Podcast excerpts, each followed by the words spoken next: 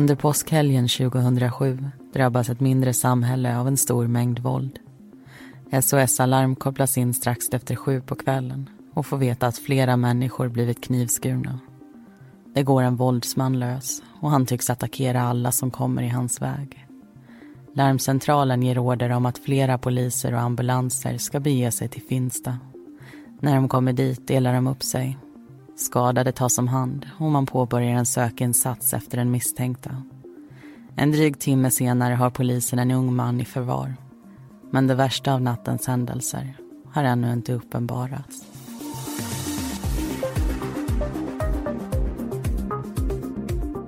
Du lyssnar på Mordpodden, en podcast om den mörka verkligheten. I veckans avsnitt ska du få höra berättelsen om Finstadådet.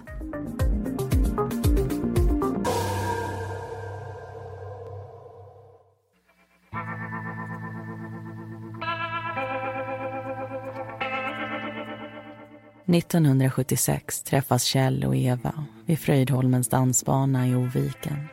Det blir starten på ett förhållande som ska vara i över 20 år. Paret får sex barn ihop, men 1998 går de skilda vägar. Trots uppbrottet förblir de riktigt goda vänner och barnen bor i omgångar hos de båda. Kjell är den typ av pappa som alltid ställer upp och finns där när hans barn behöver honom. När de är tillsammans lyssnar de ofta på musik. Kjell älskar nämligen musik och jobbar med skivproduktion i Östersund. En dag får han veta att produktionen och jobbet ska flytta. Han får ett erbjudande att följa med, men väljer att tacka nej. Istället undersöker han vad jobbmarknaden i Östersund har att erbjuda. Tyvärr är det mindre än han hoppats på. Efter en tid som arbetslös får han ett erbjudande att hyra ett hus i Finsta. Hans äldsta dotter bor i närheten och det finns flera jobbmöjligheter. Kjell nappar och åker sex timmar söderut till sitt nya hem. Med följer också hans yngsta son, Mattias, som ska bo hos honom. Huset är en enplansvilla i en typ av stugby. Det är nära till grannarna och alla hus är rödmålade med vita dörrar och fönster. Efter en tid kommer också det Kjell längtat efter. Ett jobberbjudande. Han blir Norrtäljeanstaltens nya vaktmästare och trivs som fisken i vattnet. Alla är snälla och trevliga och Kjell tycker det är skönt att återigen ha ett jobb att gå till. Anstalten ligger 15 minuters bilfärd ifrån den nya hemorten. Finsta består bara av några hundra invånare. Det är litet, gemytligt och nära till skogen. En av Kjells söner börjar leka med några pojkar i området och snart hänger flera av de andra syskonen på. Mamman till pojkarna blir i sin tur en nära vän till Kjell och hans barn kallar henne snart för gudmor. Mattias är 10-11 år när flyttlasset går. Även om det är tråkigt att mamman och syskonen är så långt bort tycker han om att bo hos sin pappa. När Kjell är på jobbet är Mattias i skolan och han hittar snabbt nya vänner. Gudmodens söner är två av de bästa. När Mattias inte går i skolan, är med vänner eller chattar på MSN umgås han med sin pappa. Kjell har långt hår och klär sig ofta i mörka kläder. Han ser ut som en rockare men är egentligen allätare när det kommer till musik. I musiksamlingen finns runt 2000 skivor och stereon hemma i Finsta är ständigt på. När det behövs nya hyllor till skivorna snickrar pappan ihop egna. Han är händig och alltid villig att hjälpa dem som behöver det. Fixa med bilar är en annan sak han kan.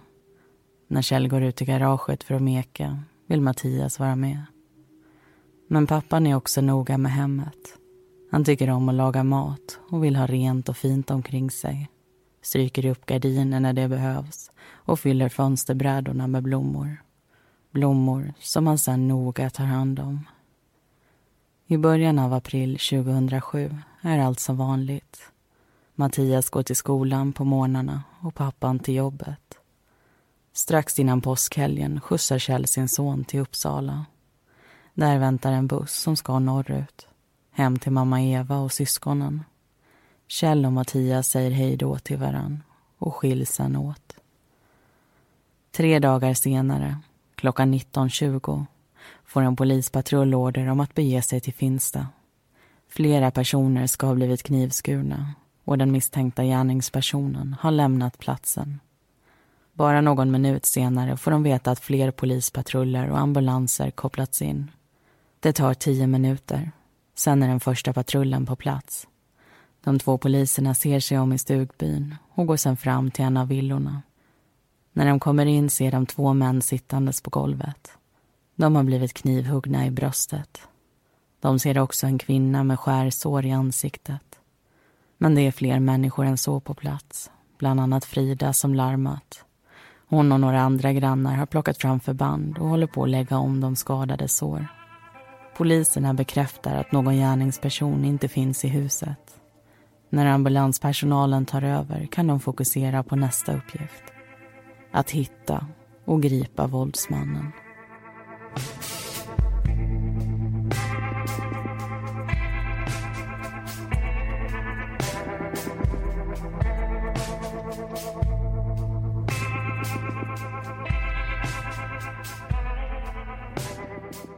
Välkomna in i höstsäsongens första avsnitt och den första diskussionen. Vi vill börja med att prata lite om hösten. Det var ju väldigt länge sedan vi hördes här på grund av mammaledighet och semester och annat som kommit emellan. Men vi vill såklart involvera er i våra planer för den närmsta framtiden som vi hoppas att ni vill vara en del av. Den här säsongen den kommer bestå av fyra avsnitt. Det är Uppland som gäller och vi kommer publicera avsnitten varannan vecka. Och det var inte så mycket tänker ni kanske nu. Men i veckorna när vi inte lägger upp Upplandsfall så kommer vi publicera gamla podmi avsnitt Det blir alltså en liten smygtitt för er som ännu inte upptäckt vårt premiuminnehåll. Mm. Och sen har det ju gjorts en del ändringar hos Radioplay också.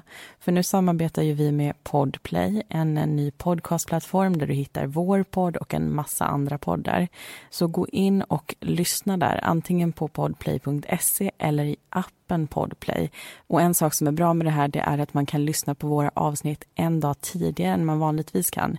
Vi brukar ju släppa avsnitt på söndagar men lyssnar man genom Podplay så kan man faktiskt få tillgång till våra avsnitt på lördagar numera.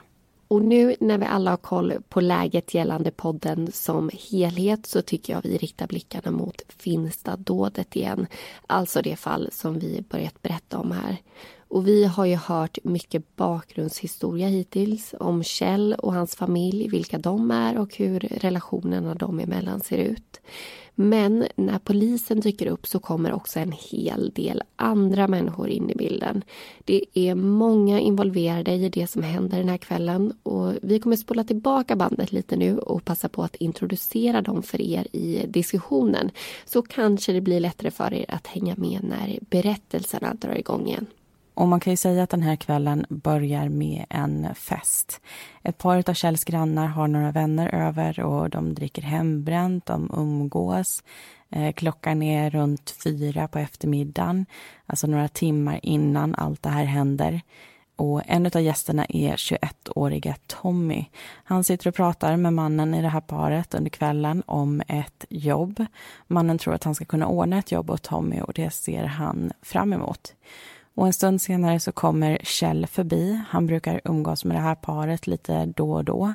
Och Tommy och Kjell, de känner inte varandra så nämnvärt, men de vet vem den andra är och de brukar också hälsa.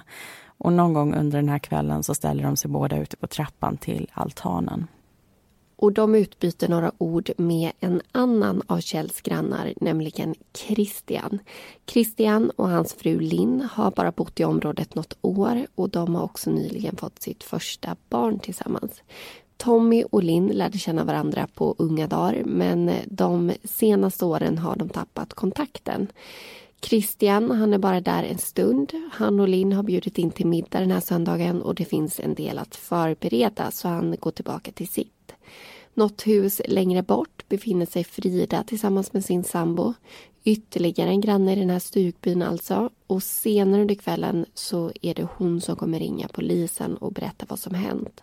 Men innan dess så har hon och sambon tänkt grilla, vilket alltså inte riktigt kommer gå som det var tänkt.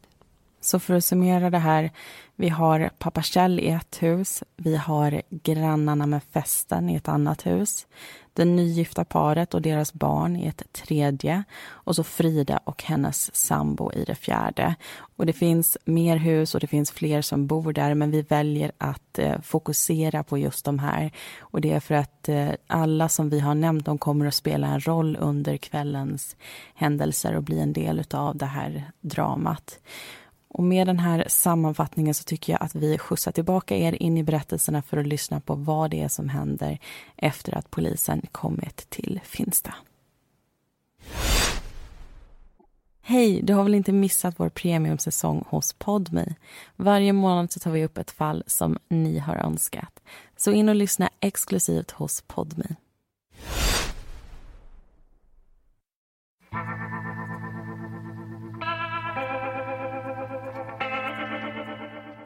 Skadade lastas in i ambulanser och körs till sjukhus.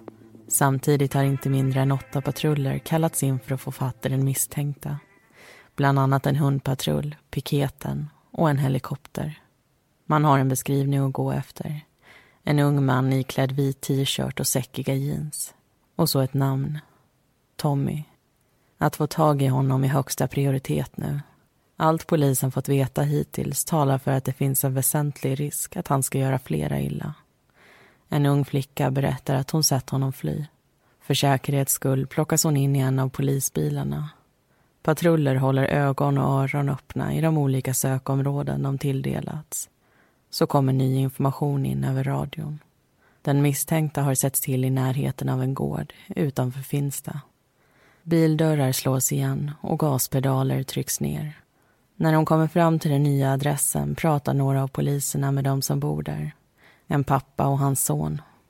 De berättar att en man kommit springandes och skrikandes när de stod utanför sitt garage.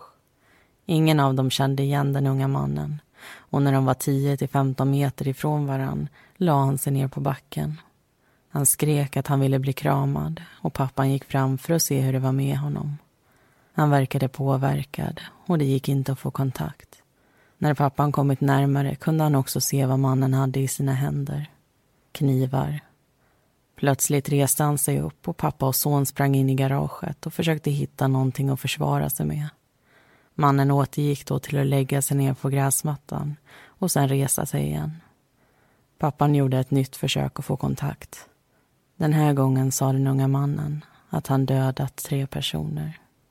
Sen rusade han mot dem, men backade när han möttes av höjda tillhyggen.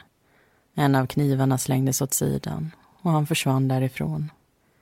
I ett skogsparti 150 meter ifrån bostadshuset får en polishund snart upp ett spår.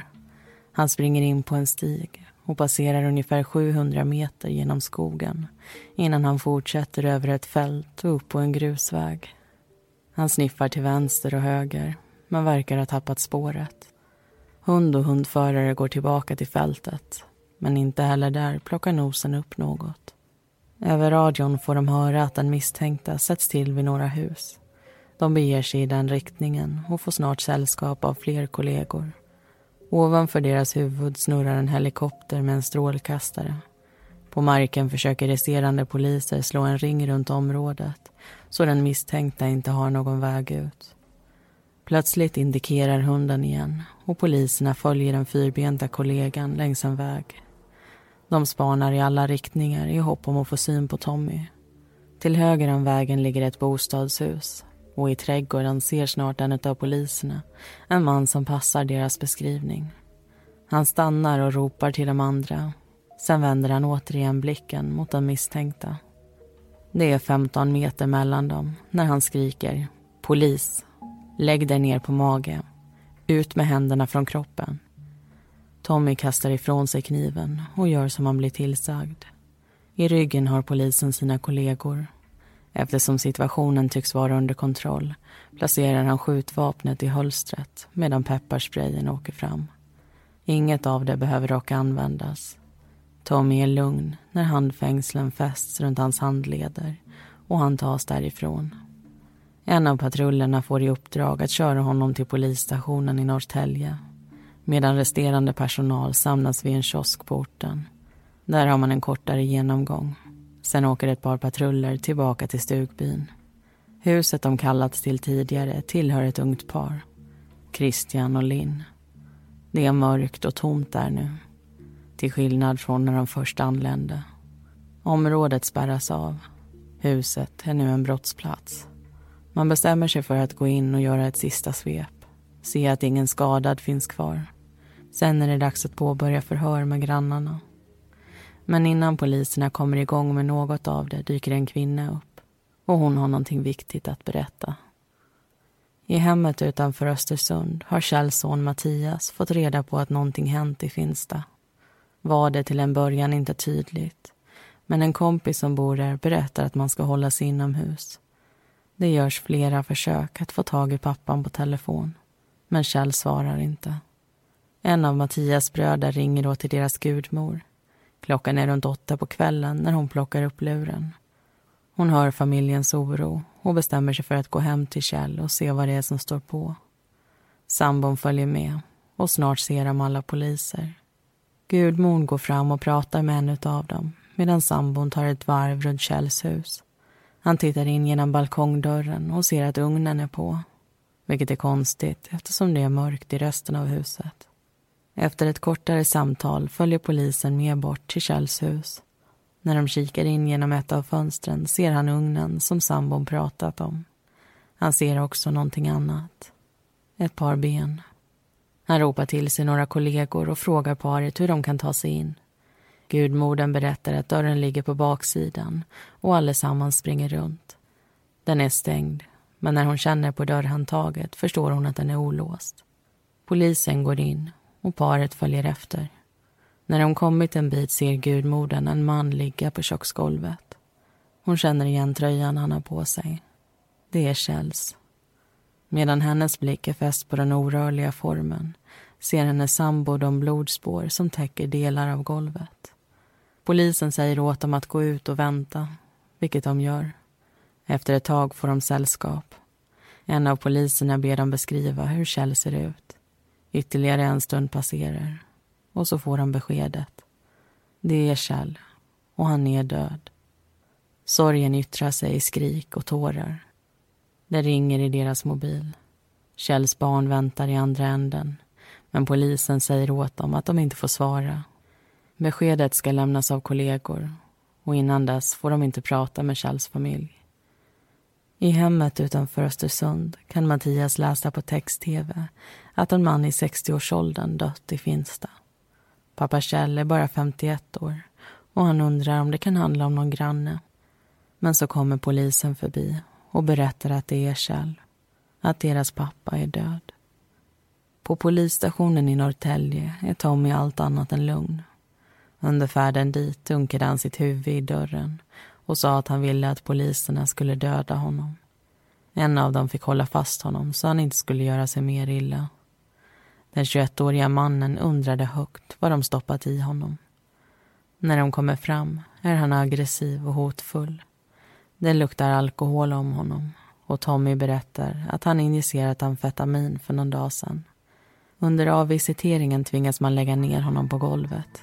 Han lyckas dock återigen dänga huvudet i vägg och golv. När allt är över placeras han i ett rum. Snart kommer ett erkännande.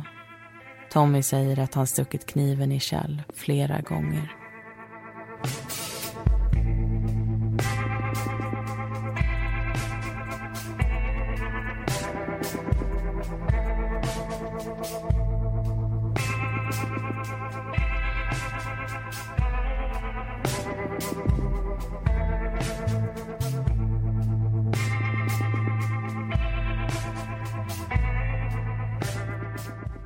Kjell hittas alltså död och familjen får ta emot ett ofattbart och fruktansvärt besked den här natten. Och tittar vi på kvällen och händelserna i förhållande till klockslag så ser det ut så här. 19.20 får polisen order om att bege sig till Finsta. 19.30 anländer första patrullen. 19.49 ses Tommy en bit utanför Finsta och 20.25 så grips Tommy. 21 och 25 går polisen in i Kjells hus och hittar honom död och runt klockan två på natten så får familjen det här beskedet. Mm. Och vi har ju pratat rätt så mycket om Kjell, alltså vem han var och hur hans eh, liv såg ut. Och det här är information som vi inte har fått genom domen utan det är genom samtal med hans anhöriga. Och det här avsnittet det hade inte blivit av om det inte vore för dem. Alltså vi fick kontakt med dem i somras och de ville att den här historien skulle lyftas fram. Och det förstår jag för det är ett väldigt ofattbart fall som jag heller inte har hört så mycket om tidigare. Vi har inte kommit in på allt ännu, men det är så många som drabbas. Kjell miste sitt liv. Flera av hans grannar blir utsatta för olika former av våld och hot. Och varför det sker, det kommer man aldrig riktigt fram till. Och vi tittar ju nästan uteslutande på mord som eh, ligger några år bakåt i tiden. För vi ser flera fördelar med det. Dels eh, så stör rapporteringen inte människor mitt i deras djupaste sorgarbete när det är som allra svårast och jobbigast för de anhöriga att tänka på det här. Även om sorgen och arbetet med att hantera den såklart aldrig går över. Och dels så ger tid och avstånd oss en chans att titta på en händelse mer objektivt. Vad var det egentligen som hände? Kunde man ha gjort något för att förhindra det? Och så tittar vi på om några ändringar har gjorts sedan det här skedde. Mm. Och ska man försöka hitta svar på frågor som de där, då är det ju nästan alltid så att man måste också förstå varför när en händelse sker, alltså kolla på bakgrunden. Och just i det här fallet så bygger bakgrunden nästan uteslutande på Tommys egen bakgrund och därför tänkte jag att vi ska gå igenom den. Tommy berättar själv att han har haft en väldigt instabil uppväxt. Redan när han är 12 år så börjar han eh, missbruka amfetamin och det här är ett missbruk som sen fortsätter. Han placeras i familjehem och man försöker hjälpa honom till en tryggare tillvaro. Men hans liv eh, går inte i den riktningen utan det går i motsatt riktning. 2005 så döms han för fyra fall av grov stöld. Han döms även för försök till grov stöld, stöld, narkotikabrott och två fall av tillgrepp av fortskaffningsmedel. Och påföljden bedöms till ett års fängelse men man väljer istället att ge Tommy skyddstillsyn med en särskild behandlingsplan. Året därpå, alltså 2006, så ligger den här skyddstillsynen kvar när han begår nya brott. Tre fall av misshandel, olaga hot och rån leder till fortsatt skyddstillsyn och samhällstjänst. Även den här gången har rätten möjligheten att döma honom till fängelse i nio månader men väljer bort det på grund av hans ålder och andra omständigheter. Några veckor innan det här fallet utspelar sig lämnar Tommy sitt familjehem. Han övernattar hemma hos vänner och bekanta och missbrukar också. Och under själva påskhelgen så är han och hans eh, före detta flickvän hemma hos Tommys pappa. Och ex-flickvännen beskriver hur de tog Ålandsfärjan fram och tillbaka, lagade mat, tittade på tv och eh, hade några vänner över under lördagen. På söndagen så var Tommy lugn, han var glad och de umgicks under förmiddagen för sen eh, följde han henne till bussen då hon skulle åka hem. Men så får hon ett samtal senare under kvällen Tommy skriker att hon måste ringa upp och sen så lägger han på.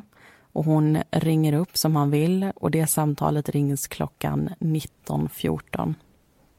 Och Tommy fortsätter skrika, men han skriker nu att han dödat Kjell. Att han huggit honom och inte kan förstå varför han gjort det. Han säger att han tycker om Kjell och undrar vad han ska göra nu. Exflickvännen försöker lugna honom. Hon tycker att han ska stanna där han är och ringa polisen. Hon frågar var han befinner sig och Tommy säger att han är i Kjells kök. Sen hör hon lite ljud. Det låter som att Tommy släpper telefonen och sen försvinner bort. Och hon skriker men får inget svar. Nej. Och med det så tycker jag att vi rundar av den här diskussionen. Det finns frågor som kräver sina svar och vi ska försöka ge dem i den sista berättelsen.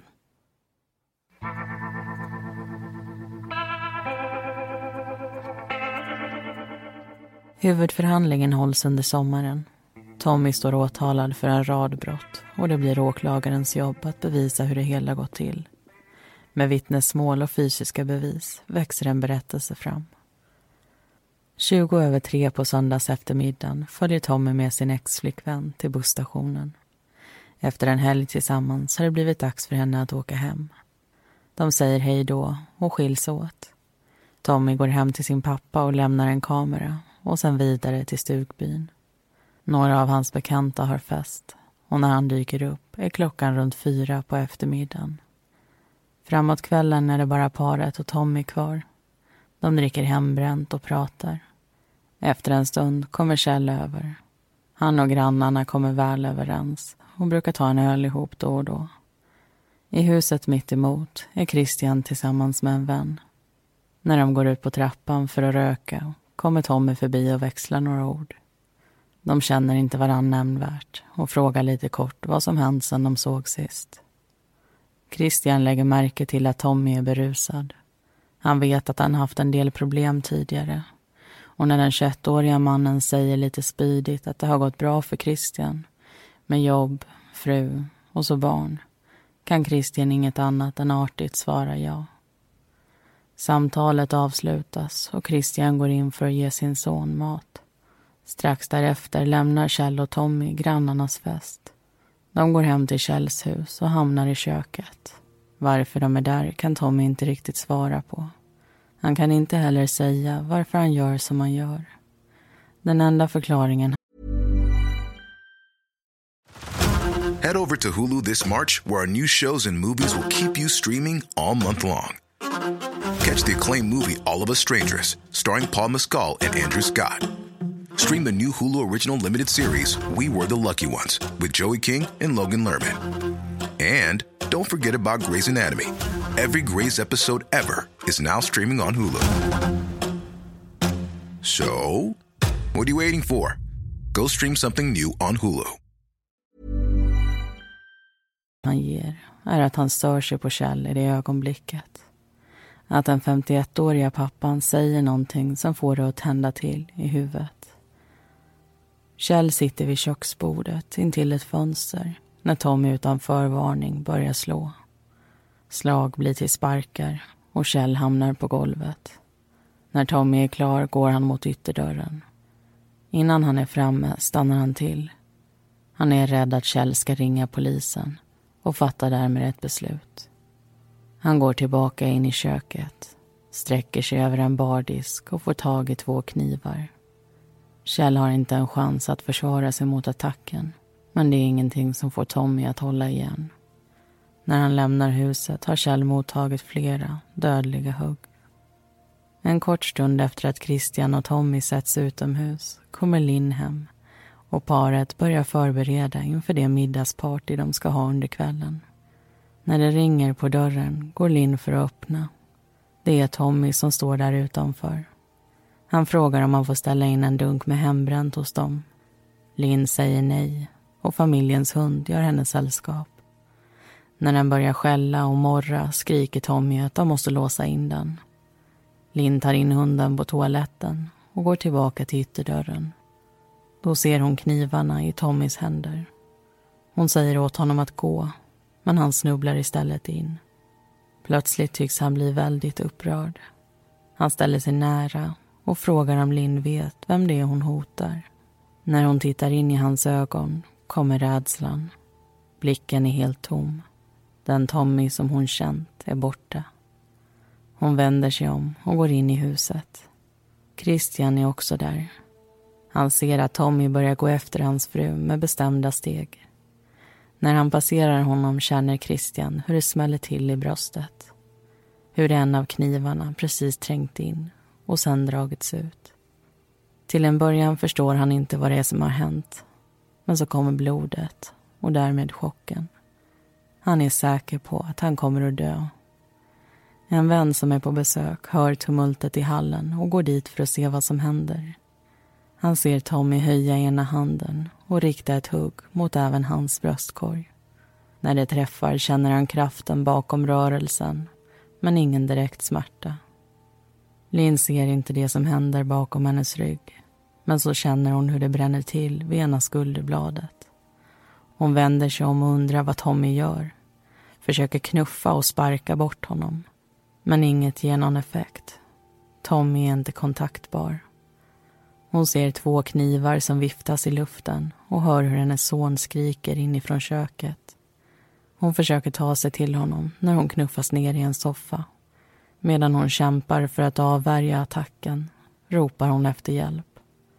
När Christian hör Lins röst rör han sig emot den.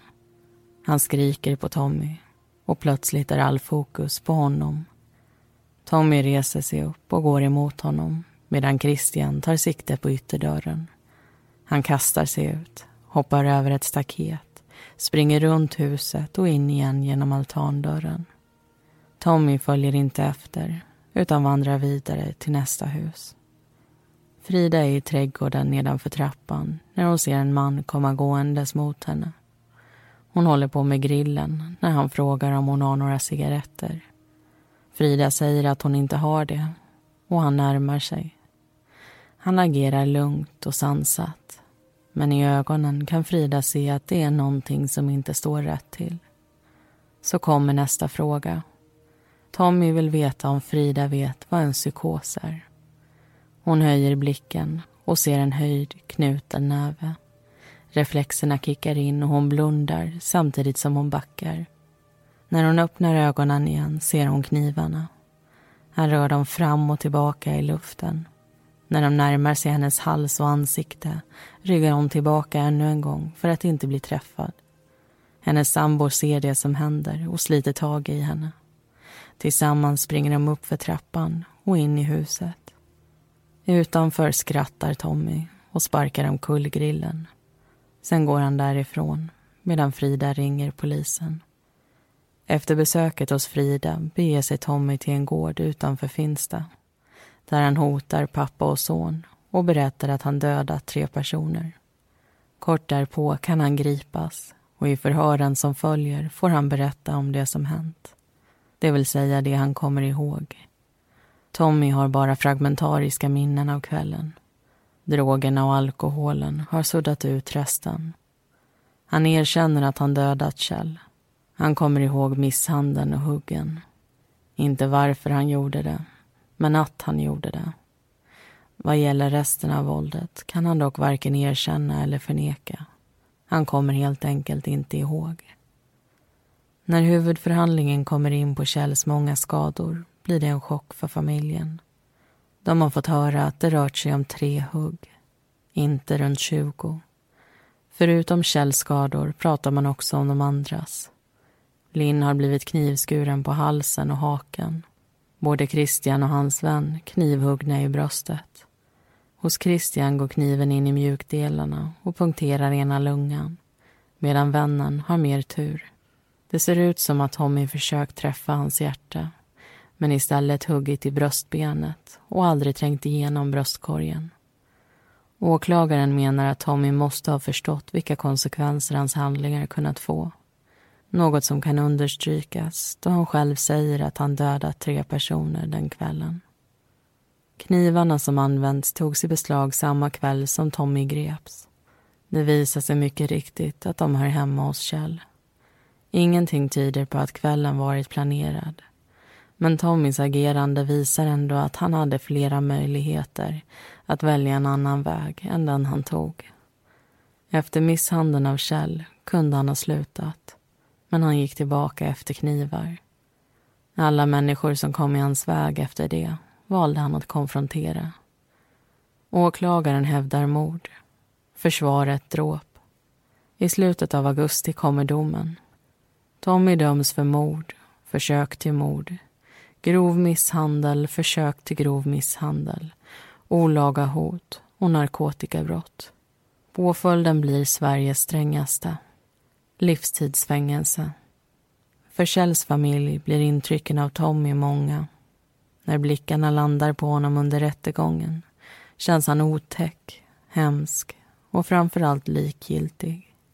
Som om det han gjort inte spelat någon roll. När det i själva verket vänt upp och ner på deras liv. Det värsta av allt är att det inte finns någon mening med det som hänt. Det säger till och med Tommy själv.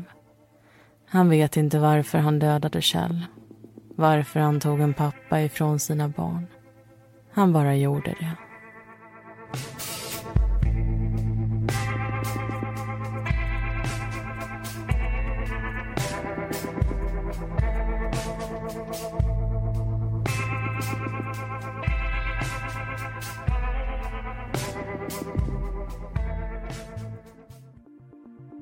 Tack för att du har lyssnat på det här avsnittet. Alla förutom Kjell, Eva och Mattias heter egentligen någonting annat. Och informationen den är hämtad ifrån tingsrättsdomen, förundersökningsprotokollet, intervjuer med anhöriga och artiklar ifrån Expressen. Om två veckor ser är vi tillbaka igen med ett nytt Upplandsvall. Missa inte det.